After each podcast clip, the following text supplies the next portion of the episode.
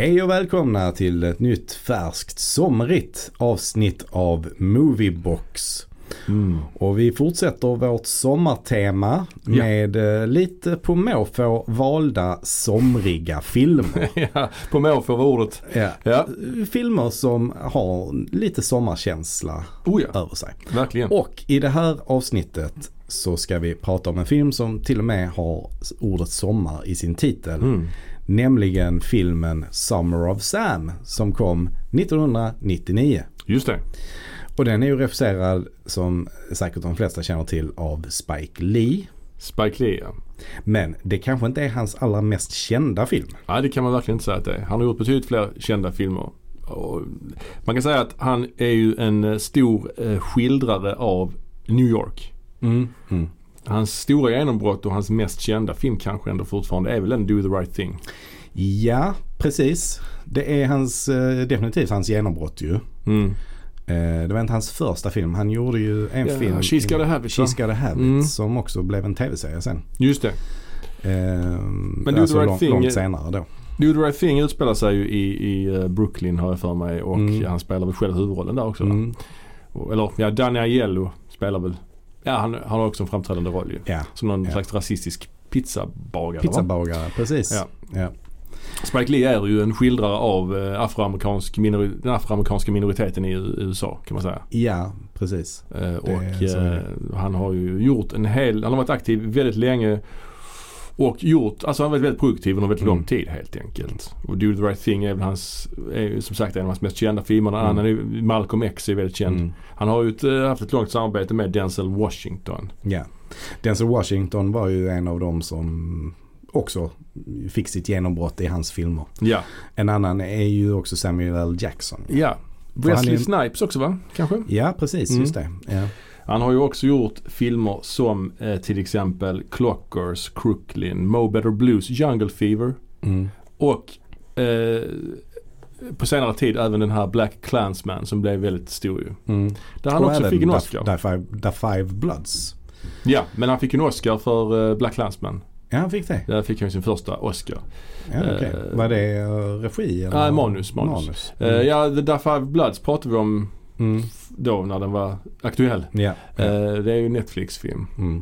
Men eh, den här filmen Summer of Sam är ju då inte en skildring av afroamerikanska eh, eh, communityt. Utan Nej. det här är ju en film som skildrar snarare det italien- italiensk-amerikanska communityt kan man ja, säga. Ja, ja. Och det ligger ju också i, i hans intressesfär lite grann. Ja det är ju New York såklart. Det är New York Det är och- Bronx istället för Brooklyn kan man säga. Ja, Ja, och filmen utspelar sig ju 1977. Den Just kom ju det. 99 men utspelar sig 77 ja. under då en rekordvarm sommar. Så det är verkligen en sommarfilm kan man säga. Mm. Filmen utspelar sig ju samtidigt som den notoriska mördaren Son of Sam härjade i New York. Mm. Det var en, en man då som under ett års tid ungefär, ganska exakt, eh, sköt ihjäl ett antal människor. Mm. Han gick fram till folk som satt i bilar och sköt ihjäl dem. Mm. Och det, ja, det var både kvinnor och män och allt möjligt. Eller var det, Ja, det var ju främst, det var främst kvinnor va? främst kvinnor ja och alla kvinnorna hade väl brunt hår var det inte så? Jo. Så att han, hade, han, hade liksom, han var ju en seriemördare helt Mm. enkelt. Mm. Eh, och eh, han blev ju sen fångad. Han hette ju David Berkowitz. Mm. Och han hävdade ju då att hans hund hade sagt till honom att han skulle döda folk. Ja. Han var ju, han hade ju han var ju inte helt frisk helt enkelt. det Nej, fanns ju en viss Ja. eh, tomtar på loftet så att Och säga. sen gjordes det ju för ett tag sedan också en eh, miniserie, en sån här true crime-serie, dokumentär om honom. Sons of Sam hette den. Ja. Eh, och där han, lanserade man någon teori om att han var bara en i mängden. Att det egentligen var flera mördare. Att det var Ja. en slags satanistisk kult som hade Just kopplingar till Charles Manson. Ja. Det var lite over the top men det var alltid kul att se sånt ja. Jag minns att du ändå rekommenderade den. Mm. Men jag, jag kollade på den och jag tyckte det var värsta konspiratoriska skitet jag någonsin har sett. Alltså. Ja, kanske jag tyckte det var så dåligt faktiskt. En annan grej med den här Son of Sam kan vi ju säga också att han skrev ju brev till eh, journalister Mm. och berättade. Eh, Och kanske han var inspirerad av en annan känd seriemördare från den här tiden, eh, The Mm. Zodiac Killer. Mm. Som Mm. härjade i San Francisco några år tidigare. Han fångade dem ju dock aldrig. Det gjorde de ju på Son of Sam. En annan eh, grej med honom, Berkowitz, Son of Sam, han var, var ju brevbärare. Ja, ja, ja. Det Ja. var ju lite lustigt. Ja, ja. Sen dess har ju det blivit eh, någon slags symbol, symbolik för seriemördare, brevbäraryrket. Är det så? Nej jag vet inte.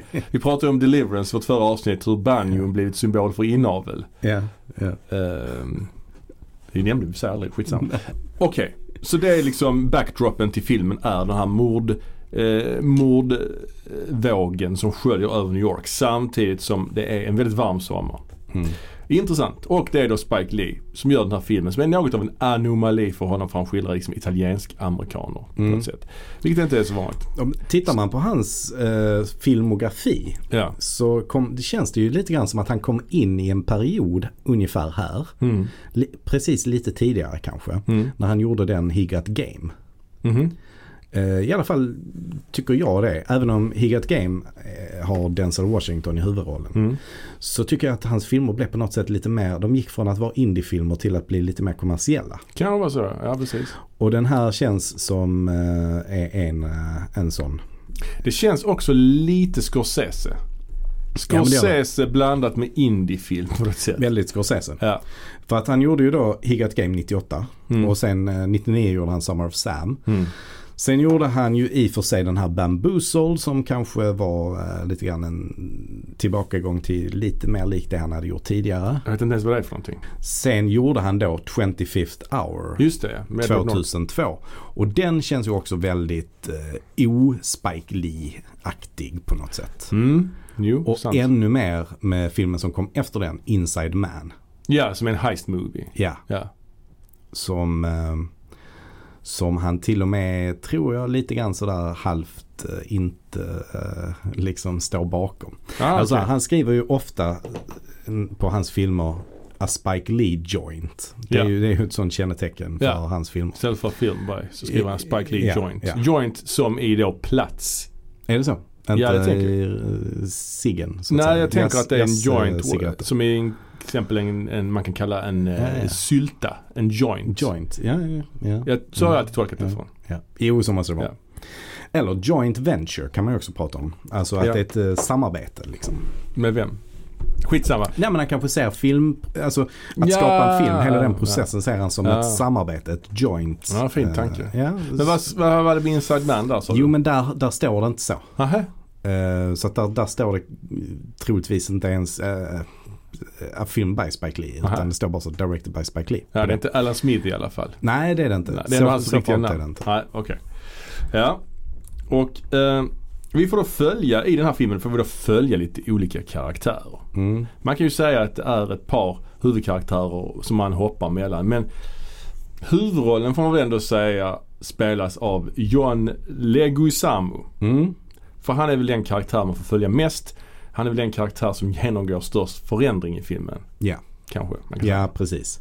Så är det ju. Eh, Han spelar Vinny. Ja, så att det är ju egentligen då eh, två par man, man följer. Ja. Så John Leguizamo är då gift med eh, Mira Sorvino. Exakt. Mira Sorvino. Dotter till Paul Sorvino. Mm. Mm. Eh, hon vann ju Oscar för den här Woody Allen-filmen Mighty Aphrodite. Ja, precis. Eh, Och eh, sen gjorde hon den här och sen vet jag inte riktigt vad hon har, har, gjort någon, har hon inte gjort den här typ The Mimic eller The Relic eller något jo, den den är hon med. Ja, något av de Mm, två. mm. Jag glömmer alltid vilken hon är med. Den Ja. ena är hon och den andra är väl hon eh, eh, vad fan heter hon som är med i The Shadow också? Åh, Åh, ja. det är så. Vad heter hon? Penelope Ann Miller, heter hon inte det? Nej, hon är inte med i den. The Shadow? Shadow kanske hon är med men... Penelope Ann Miller, Ah, jag, nej, jag tänkte på Species. Species. Vad heter hon? Den blonda tjejen. eh, det är någon helt annan. Men det här, alltså Penelope Ann Miller är med i The Relic. Det innebär Ja, okej. att om Penelope Ann Miller är med i The Relic Mm. måste Mira Sorvino vara med i Mimic. Ja, Det är ju ett gammalt talesätt.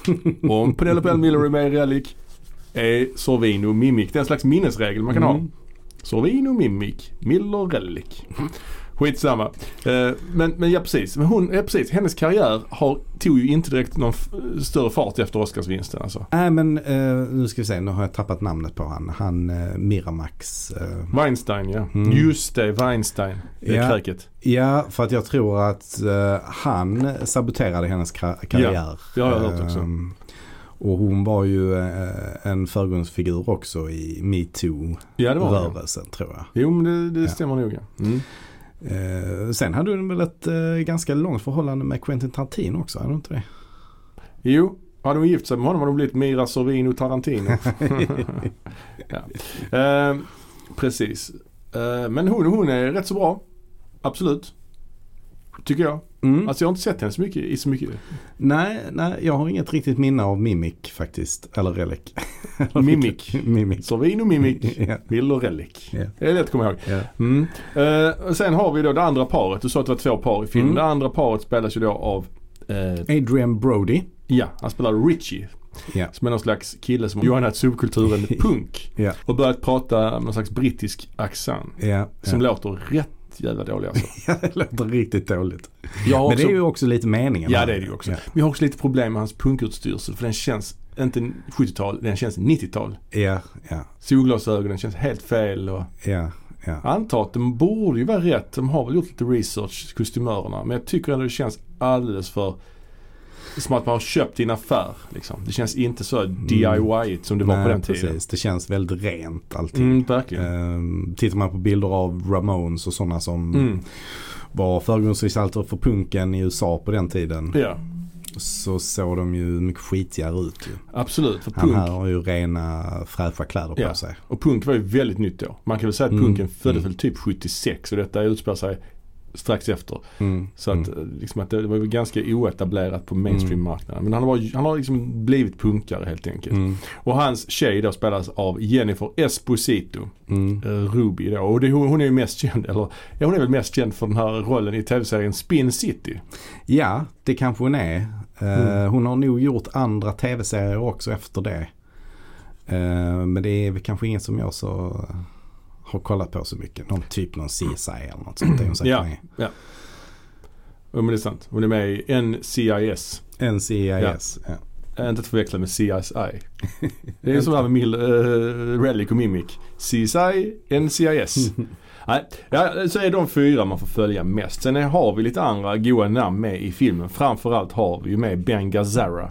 Mm. Som spelar en slags local mafia boss kan man väl säga. Ja. Han är ju riktigt bra såklart. Mm. Mm. Vi har även med Mike Starr i en eh, lite mindre roll.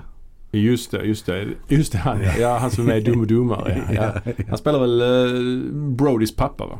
Ja, eller styvpappa. Styvfar är nog, Alltså ja. han Ja. gifter sig med Brodys mamma. Så är det nog ja. Så Så, är det. nog. Ja. Och John Savage är också med, denna märkliga Mm. skådespelare. Mm. Han Han, är supermärklig. Ja visst är han det. Alltså han spelar en miniroll här som någon slags eh, extravagant excentriker som bjuder hem Ja. eh, Leguizamo och eh, Sorvino på, på kokain liksom. Ja. Han är med typ en scen. Och en orgie. Orgie också ja. Ja. inte att förglömma. Han är knappt med i filmen alltså. Nej, Och han, han, är, han är märklig. Han också gör Mm. så här, en miniroll i Gudfadern 3. Spelar, Ja, ja. Jag spelar ju, eh, vad heter han? Robert Duvalls son i Gudfadern 3. Jaha, Som studerar till präst. Just det, han är med så i en scen av tre repliker liksom. Mm. Mm. Sen spelar han en av huvudrollerna, eller en av de stora rollerna i Deer Hunter. Ja, ja precis. Alltså det, alltså det är konstig, konstig karriär. Jag vet inte, jag inbillar mig att han är framförallt teaterskådis. Han är märklig i alla fall. Han gör väldigt små roller. Han är med lite grann här i den här filmen. Sen har vi också han som har skrivit manuset till filmen. Varit med och skrivit manuset. Det är ju Mm. Michael Imperioli. Mm. Känd från Sopranos. Mm. Han är också med i en liten roll här. Men det är bara pyttelite. ja, någon slags Ja. porrklubbsägare. Ja, Så det är lite kul så att det är han. ja det, det är intressant att han har varit med och skrivit manus faktiskt. Eh, tycker jag. Anthony LaPaglia är också med som polis ju. Han är också ett namn sådär liksom. Mm. Inget, ingen superstjärna men ändå liksom ett namn. Mm. Så att säga. Ja.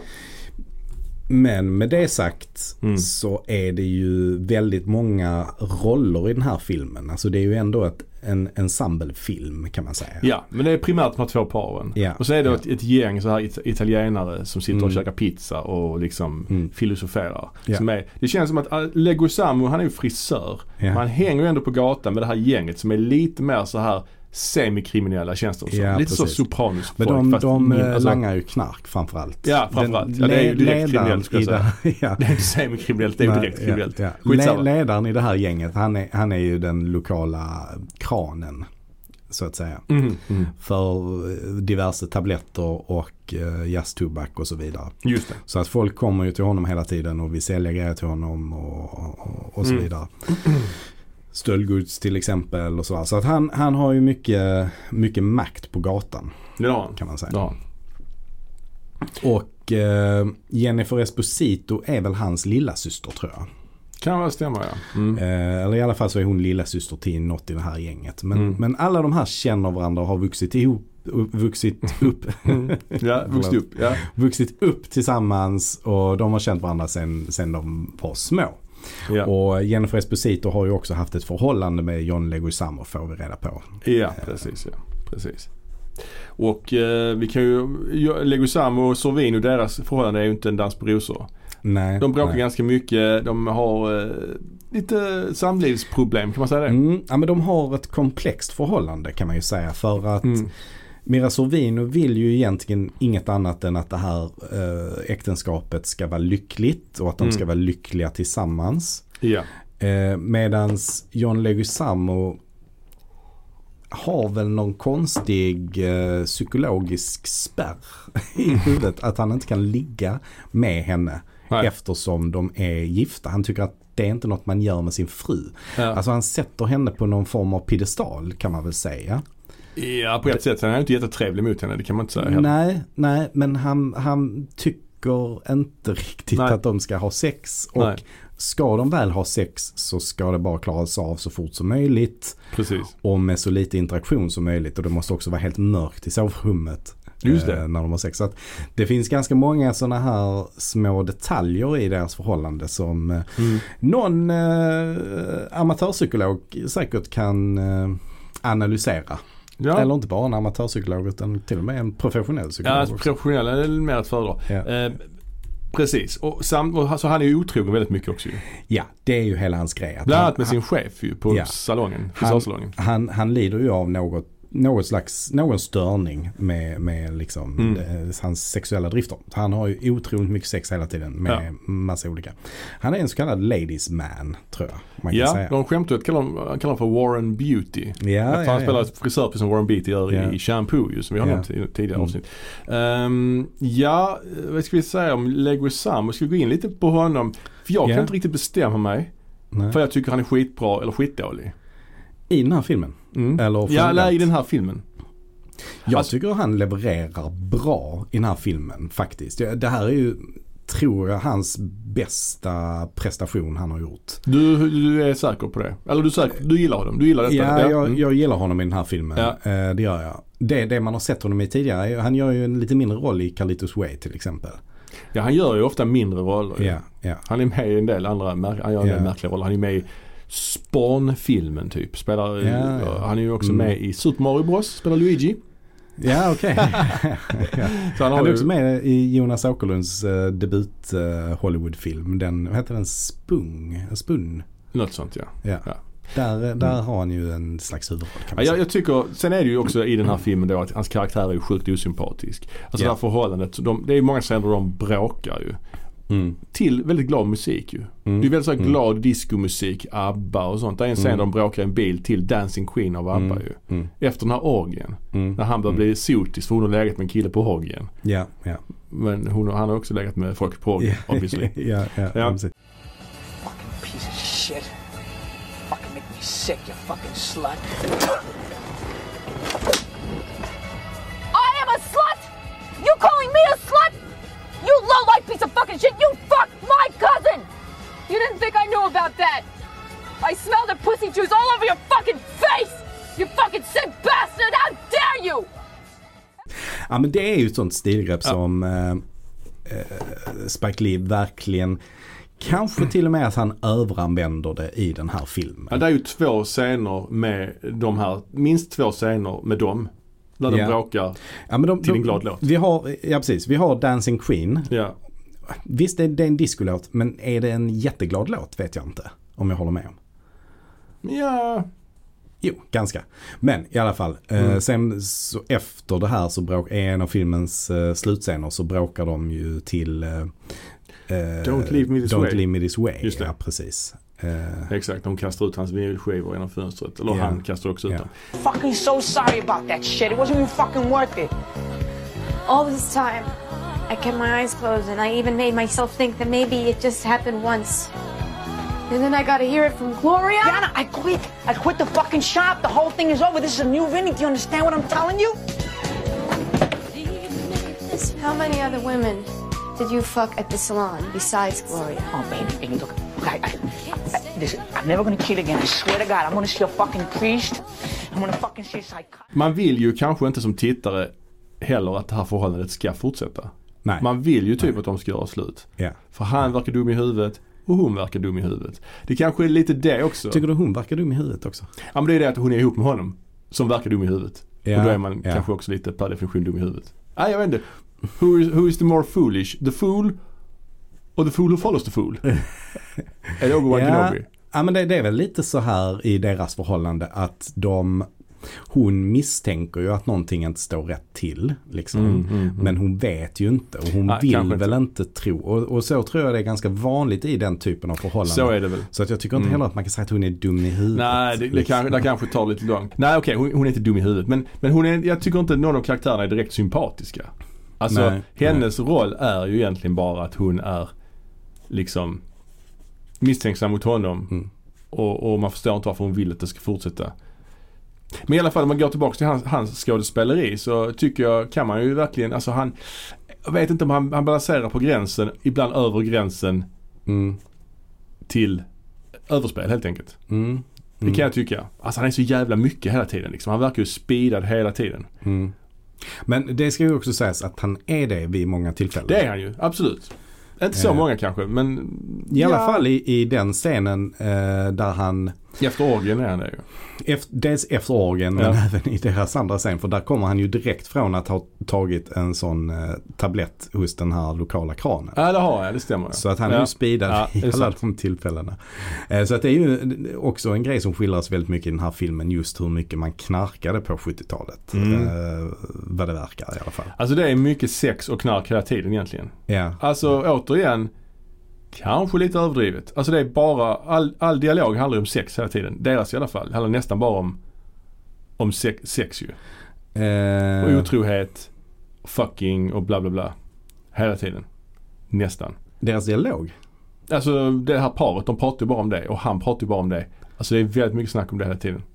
Ja, i alla fall i slutet när hon börjar misstänka vad det är som, och när hon börjar liksom så förstå att deras förhållande inte riktigt funkar. Mm, mm. Eh, Så börjar hon ju fråga, till exempel frågar hon vid, någon, vid något tillfälle så frågar hon Jennifer Esposito.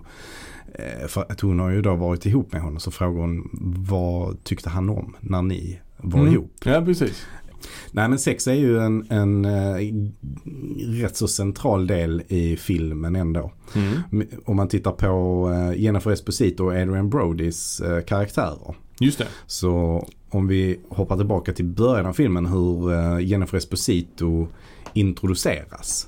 Så Ja. är det ju att hon har då varit med en, eh, vad ska man säga, mer så här wasp, en vit helyllekille som kommer i sin sån här cabriolet och släpper av henne Mm. i, i Bronx där de bor då. Eh, och då så blir hon ju kallad för hora och Mm, lite mm, sånt. Eh, både då av den här killen då. Men även av hennes eh, bror och det gänget han. Mm. Eh, så, att, så att hon har ju det dåliga ryktet. Eh, Ja men precis och sen så in- intresserar hon sig ju för Adrian Brody då. Hon tycker han är spännande att han blivit Mm. och börjar prata Mm. brittiska och sånt. Och mm, De andra känner ju inte igen honom. mm, För han är ju en av killarna liksom från Mm, början. Men mm. de ja, känner inte igen honom. Mm. Sen visar det sig att han jobbar ju på någon slags eh, strippklubb också för eh, homosexuella. Mm. Och Mm. han eh, säljer också sexuella tjänster ju. Ja. Sidan om. Och senare så utvecklar han ju också det till att han börjar spela in porrfilm med, eh, när, när han och Jennifer Esposito då har blivit ihop så börjar de ju också spela in porrfilmer. Ja och det är precis, det sker bara sådär Mm, lite grann tycker mm. jag. Det, är- det är inte jätte, man lägger inte jättemycket vikt vid det. Nej det gör man ju inte. Eh, så att det är ju heller ingen så stor central viktig grej. Alltså, Nej, men det är en rätt stor det grej. bara händer. Det är en rätt stor grej ändå ju. Alltså Ja, att jo, ta det sitt det. förhållande till det. Ja. Det är nästa steg i förhållandet liksom. Ja. Men ja, det är ju liksom den här filmens dramaturgi är ju ungefär så här. Långa dialogscener. Antingen Mm. mellan Brody och eh, Esposito eller eh, Leguizamo och Sorvino. Klipp mellan det och det här Son of Sam Mm. storylinen. Mm. Och alla, alla scener med Son of Sam och, och liksom man se klipp från nyheterna och sånt. Har de en oerhört dramatisk musik. Tänkte du på det? Nästan lite så Bernard Mm. Herrmann-aktig. Mm. Ja men det är det. Jag gillar ja. den, jag gillar den. Ja. This is a warning to all police agencies in the tri state area. For your information, a satanic cult has been instructed by their high command, Satan, to systematically kill and slaughter young girls of good health and clean blood. Men det ger så stort, alltså verkligen så här kraftiga penseldrag. Stor, stor Ja. drama. Ja det är det. Och jag vill också tillägga att Spike Lee här i denna filmen är ju också lite sådär om man får använda det här slitna uttrycket postmodern i sitt berättande. Mhm. Kanske. Alltså att han, Mm. han mixar ganska mycket mellan olika typer av berättande. För Ja. det är också en hel del där folk bara pratar in i kameran.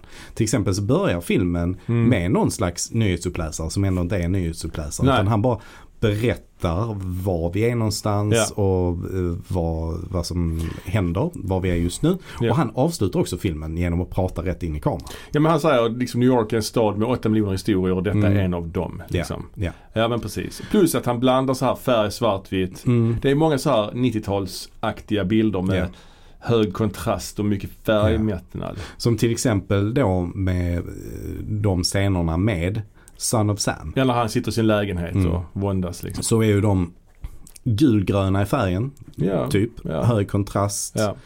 Och det känns som ett eh, annat eh, frames per second också. det att känns som en musikvideo av The Prodigy. Ja, ja men lite så. Lite Ja. så faktiskt.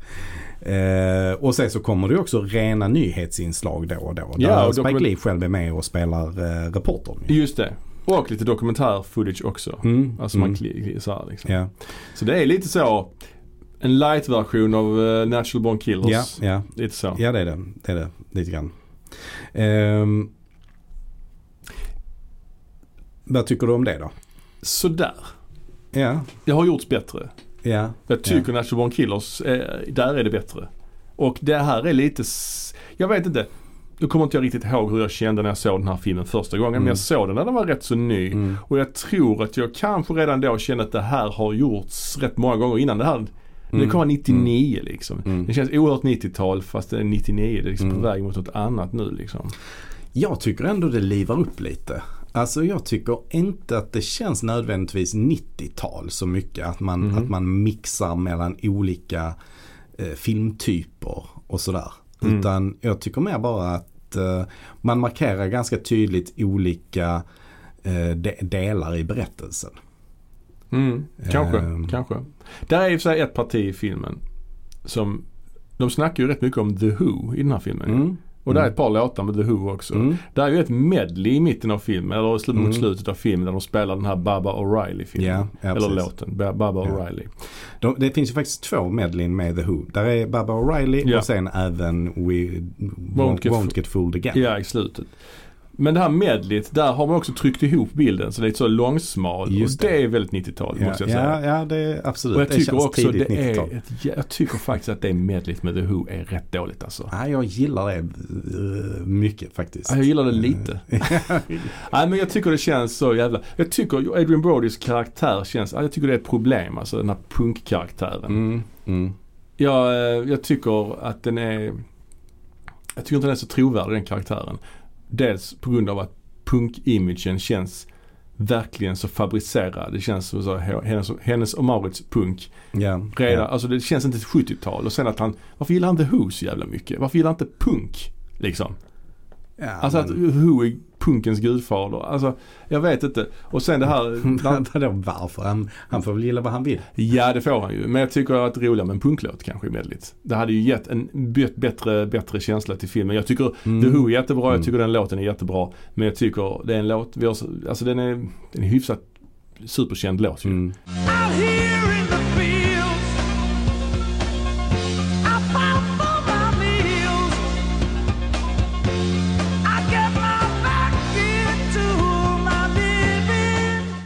Och han står där med en gitarr och slår sönder den rätt så, alltså det är rätt töntigt Mm. liksom tycker jag. Ja, nej men jag kan väl tycka också till de sakerna som eh, är mindre bra med filmen. Mm. Så hur hela punkscenen skildras Ja. känns inte riktigt äkta ja, verkligen inte. tycker jag. Eh, jag. Jag ska inte överdriva det så som du gör och säga verkligen inte liksom. Utan jag tycker bara att det hade kunnat kännas lite mer äkta. För jag tycker ändå när de är där vid CBGB.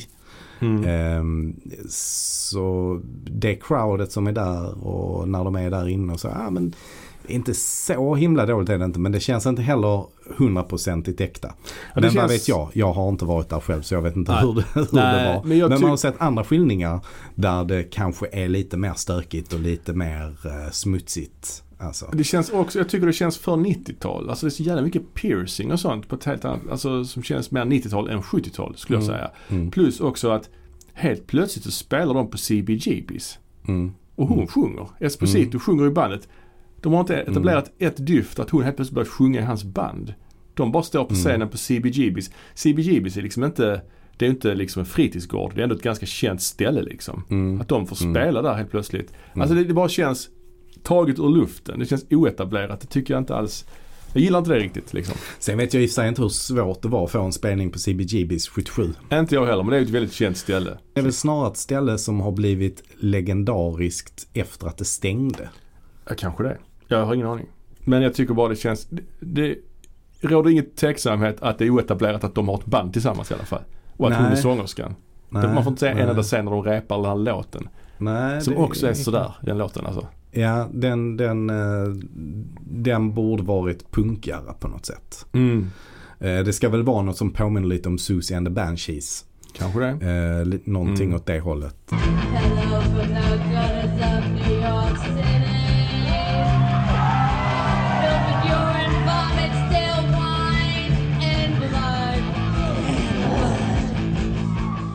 Så det är, inte, det är ju inte superpunkigt.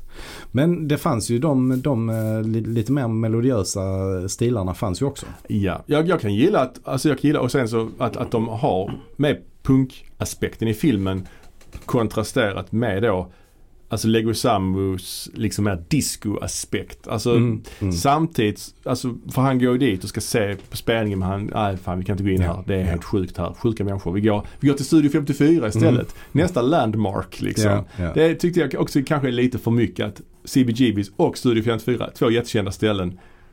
Sådär bara. Men han kommer inte in på Studio 54 ändå ju. Nej.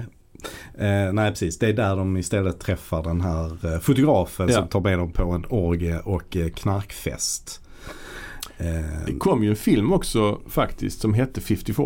just det, med, Mm. med han eh, Mike Ryan- Myers. Ja, Mike Myers och Ryan Philippe. Ja, just det. Neve just det. Campbell kanske var med och Salma Hayek tror jag. Ja, så Den kom nog. året innan så frågan är om den här filmen, Summer of Sam, är med i någon slags mini-våg där. Det kom ju även Last Days of Disco Ja. i den vevan. Och Boogie Nights. Boogie Nights också. Den kom 97. Ja, men den kan man ju inte räkna in i detta. Det tycker jag. Den utspelar sig i LA för fan. Ja, det är väl inte riktigt där. Jag, det är väl mer att utspela sig 70-talet i discosvängen lite grann. Disco. Och ja, porrsvängen, precis som denna. Ja, jag, jag skulle nog hellre klumpa ihop den med, med mer så porrfilms eh, filmatiseringar. Okej. Eller, Ja. eller tänk så här. Boogie Nights, Striptease och uh, den där jävla Showgirls. Showgirls. Ja. Ja. De tre kan jag tänka mig att klumpa ihop. Ja, Jag klumpar inte så gärna ihop den med, med Summer of Sam och de här. nej kanske Jag inte. vet inte. Ja, ja, men jag, skulle, jag skulle göra det. Ja, En ja. trend kan vi i alla fall säga att det är en 70-talsskildringstrend i slutet av Mm. 90-talet. Mm. Det, om detta råder det ingen tvekan. Mm. Eh, nu är Boogie Nights kanske den överlägset bästa av de här filmerna vi har snackat om nu. Uh, Ja, skulle jag säga. Men eh, den kom ju som sagt lite tidigare, 97. Ja. Men ja, ehm, det blir ju, ja filmen utvecklar sig ju till eh, liksom Alltså det är ju ganska icke-story-baserat egentligen. Mm, mm. Alltså det är ju väldigt så här, man följer de här två paren. Mm. Mest eh, Legosamo och Sorvino. ja. De är ju huvudpersoner, eller han är huvudpersonen framförallt Ja, skulle jag säga. ja. Adrian Brodys karaktär är lite mer så här i periferin lite grann. Ja, eh, helt klart mer i periferin. Alltså det är inte lika centrerat Nej. kring, kring honom. Eh, så att det är ju John Leguizamo och eh, Mira Sorvino som är huvudrollerna skulle jag, Mm. Ja. skulle jag säga och Ja. deras förhållande. Men, men det, som, det som ändå är intressant är att vi får ju träffa och vi får följa väldigt många olika typer av karaktärer. Ja, ja. Och det finns ju ett väldigt brett spektra. Den, den här filmen skildrar ju också en, en tid när det var någon slags övergång tror jag. Mhm. Alltså många olika typer av, av stilar och av eh, alltså, vad ska man säga, tillhörigheter Mm, mm. eh, smälte ihop på något sätt Mm, kanske. mm. Eh, lä- lät det vettigt? Ja men jag förstår vad du menar. Ja. Alltså väldigt starka trender som poppade upp ungefär samtidigt. Punken, disco, eh, Ja. liksom gay-communityt. Ja.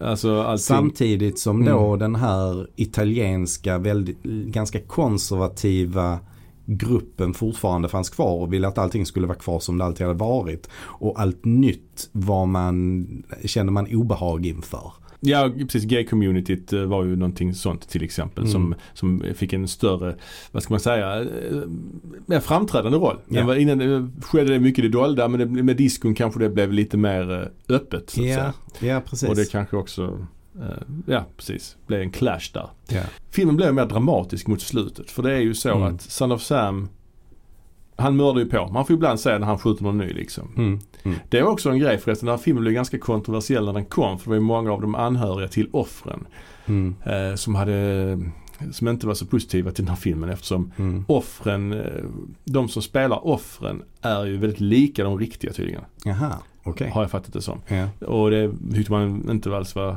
nej, det gillar man ju Nej. inte såklart som anhörig då. nej. Har jag fattat det som. Mm. Samtidigt så förstår man ju det eftersom det händer ju det är en riktig händelse. Så då, Mm. Men ja. Men, men ehm, det som händer ungefär någonstans i mitten det är ju då att eh, polisen de, de är helt lost när det Mm. gäller att haffa då Son of Sam. Ja.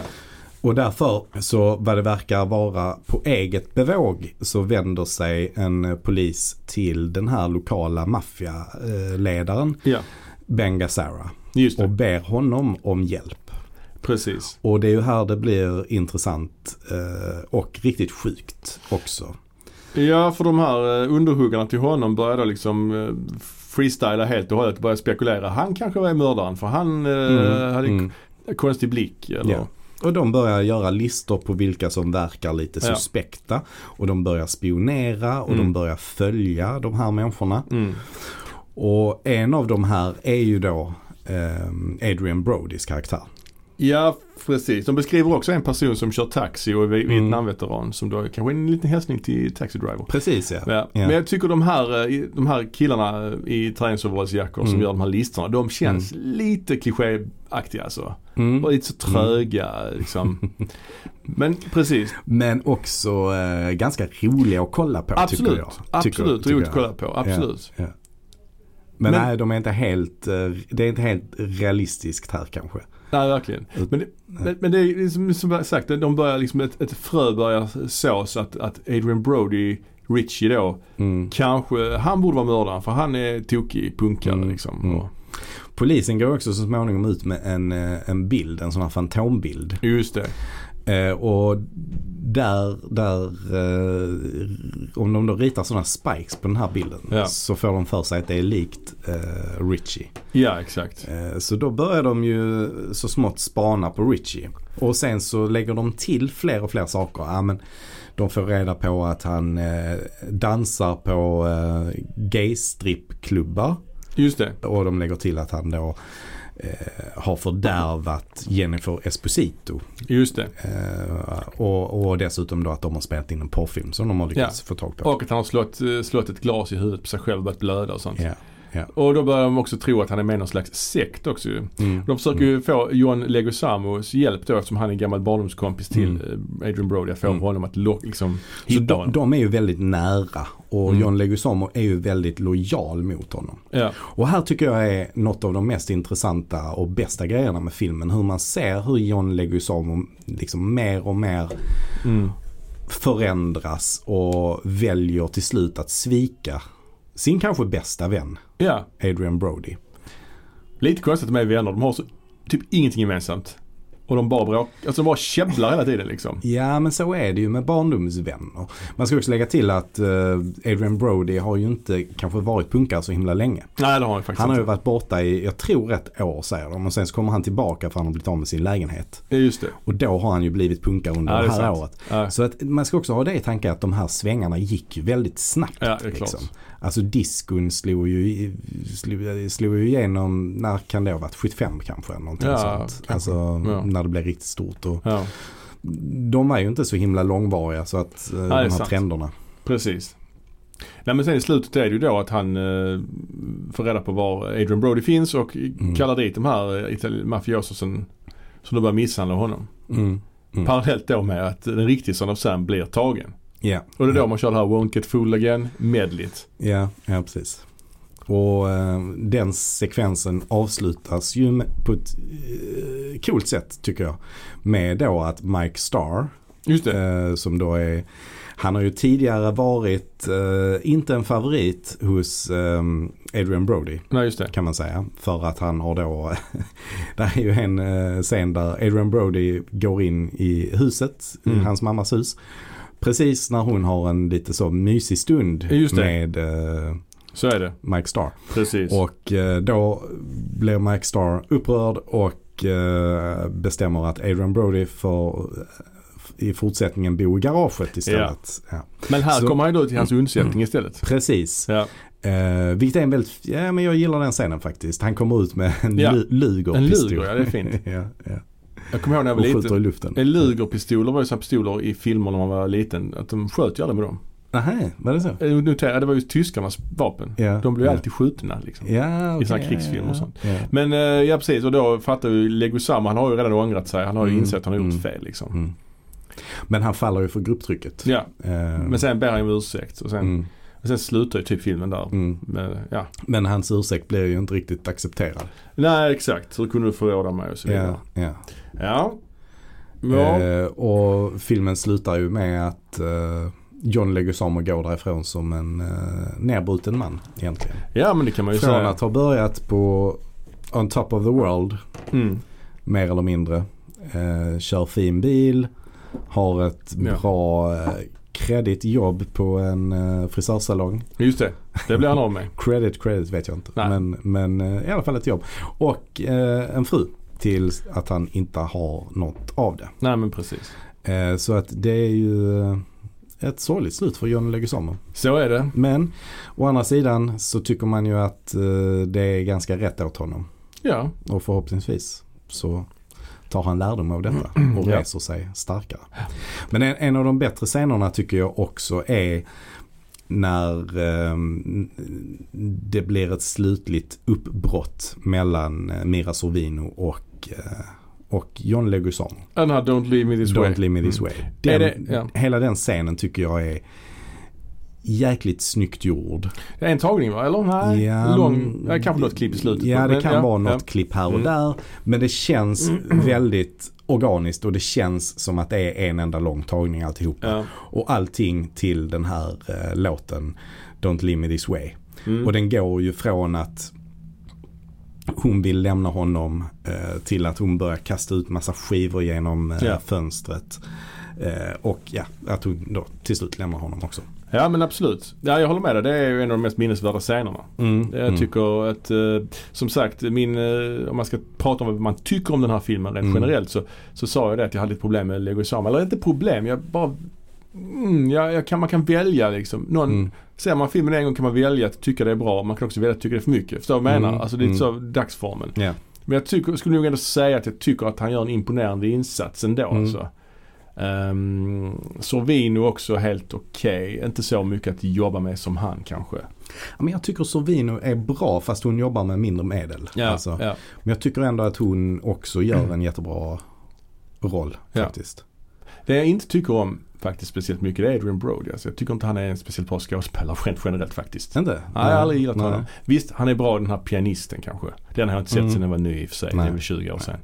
Men jag tycker han, han är liksom lite sådär Han är lite posig. Förstår jag menar? Att han ska liksom låta jävligt cool med sån här, sån här röst hela tiden och lite så. Mm, mm.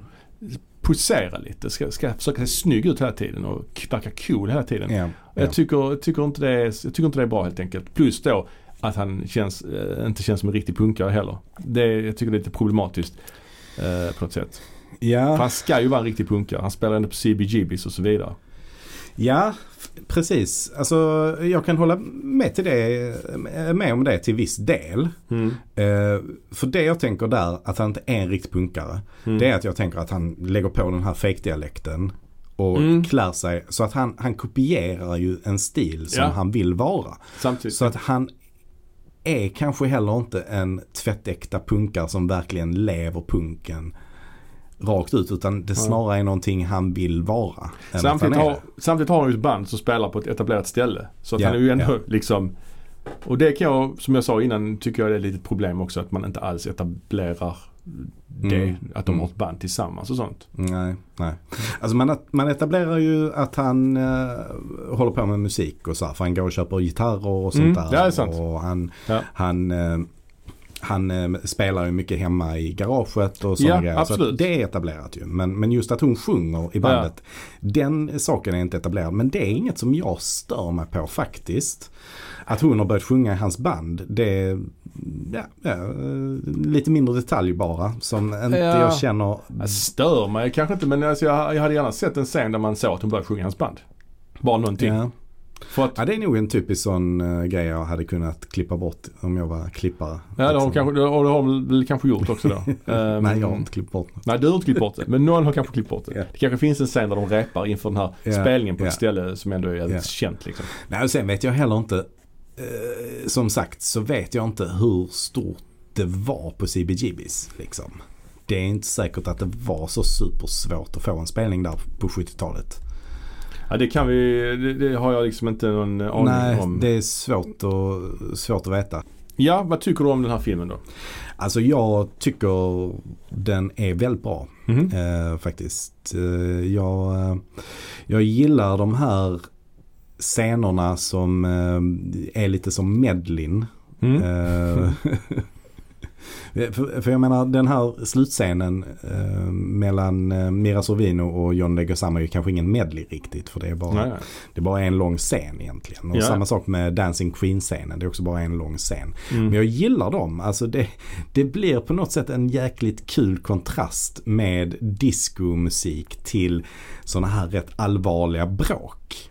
Ja, ja Eh, absolut. dramatiska Ja, scener till diskmusik. Det blir en bra kontrast. Ja, jag håller med. Eh, som är bra. Och sen, eh, ja, alltså Barbara O'Reilly, ett, ett medley med Barbara O'Reilly, det, det kan ju inte gå fel helt enkelt. Ja, jag håller inte med där. Jag tycker det kan gå väldigt fel. Eh, eller så jag tycker, Ja. alltså, väldigt fel, så far tycker jag inte det. Men jag tycker att Ja det kan, det är väl mest kanske, alltså jag, jag, hade jag hade nog varit utan det faktiskt gärna. Eh, och eh, jag hade nog kanske varit utan eh, punk, hela punkkaraktären, alltså tagit bort honom helt. Och lägga mer fokus på Leguizamo och italienare. Alltså jag tycker hela den Adrian Brody storylinen känns bara helt onödig. Alltså den karaktären Mm. utvecklas ingenting. Han byter frisyr.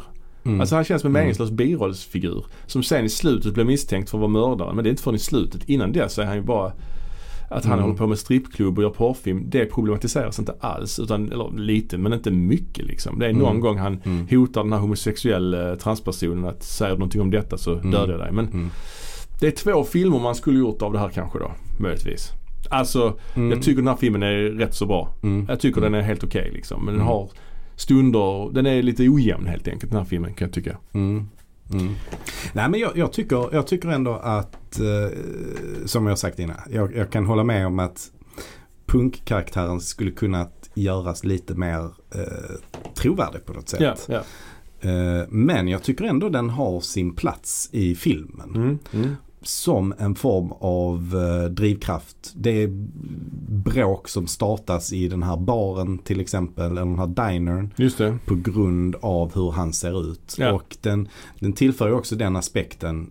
För det är så tydligt att han ser ut på ett annat sätt än de andra. Ja, ja. Och det tillför ju den aspekten av hur pass främlingsfientliga de här människorna var på Mm. den här tiden. Mm. Mm. Ehm, Absolut. så att där tillför den ju något. Ja men det gör det ju. Ja men det gör det ju, absolut. Och sen tycker jag det är som sagt, jag gillar alltid ett medley med Baba O'Reilly. Mm. och jag gillar scenerna på CBGBs. Det är ju också, det är också balt i och med att det är ett så legendariskt ställe. Det har ju inte gjorts jättemånga filmer om CBGBs.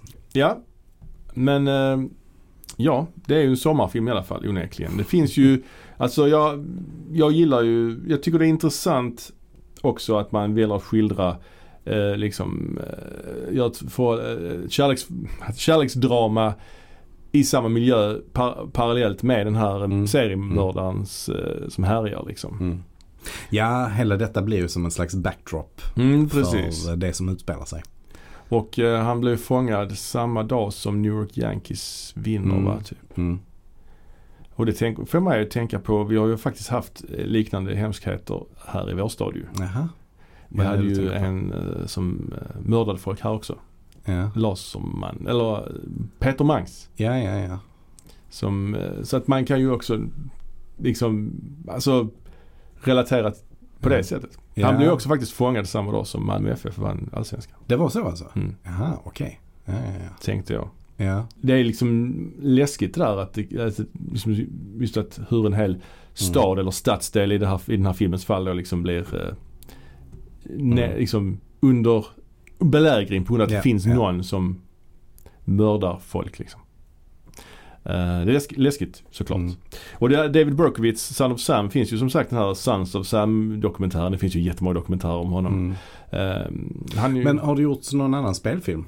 Där han figurerar? Säkerligen. Ja, figur, han figurerar ju i den här eh, tv-serien Mindhunter som David Mm. Fincher låg bakom. Mm. Där är ju en sekvens där han blir intervjuad. Mm. Och han är jävligt Mm. lik han som spelar honom där också ju. Ja, ja, Alltså ja. han ser ju Mm.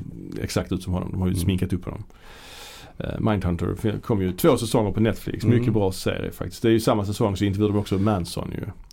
Ja, ja, ja. Så det, det är lite Mm. kul. Det enda jag minns av Manhunt, Mindhunter Mm. var att, vad var det, Coca-Cola som hade produktplacerat. Så man såg bara Coca-Cola överallt. Eller var det Pepsi? Jag vet inte. Ja det kommer inte jag ihåg. De hade Nej, en sån läskautomat bakom Ja. han som blir intervjuad i varje, varje Ah. scen. Sen så bara flippar de kameran. Ja, det var det en Pepsi-automat där Var det också. det? Ja, det var så jäkla mycket Jag älskar den serien. produktplacering. Jag älskar den serien. Ja.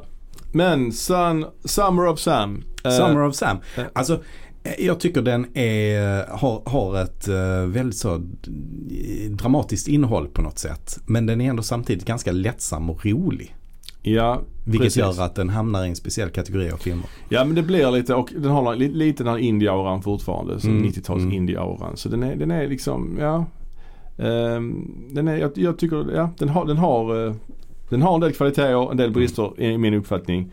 Eh, den är helt okej för mig. Alltså man, man kan, den är helt klart sevärd i alla fall. Det är ju en intressant tid och det är intressant eh, liksom intressant eh, kriminal eh, Ja fall. det är det. Och det, det, den utgör också en intressant punkt i Spike Lees eh, karriär. Mm, som kan ju säga. kanske är hans näst minst Spike Lee-iga film han har gjort. Efter, Ja men efter Inside Man. ja, kanske det, kanske det.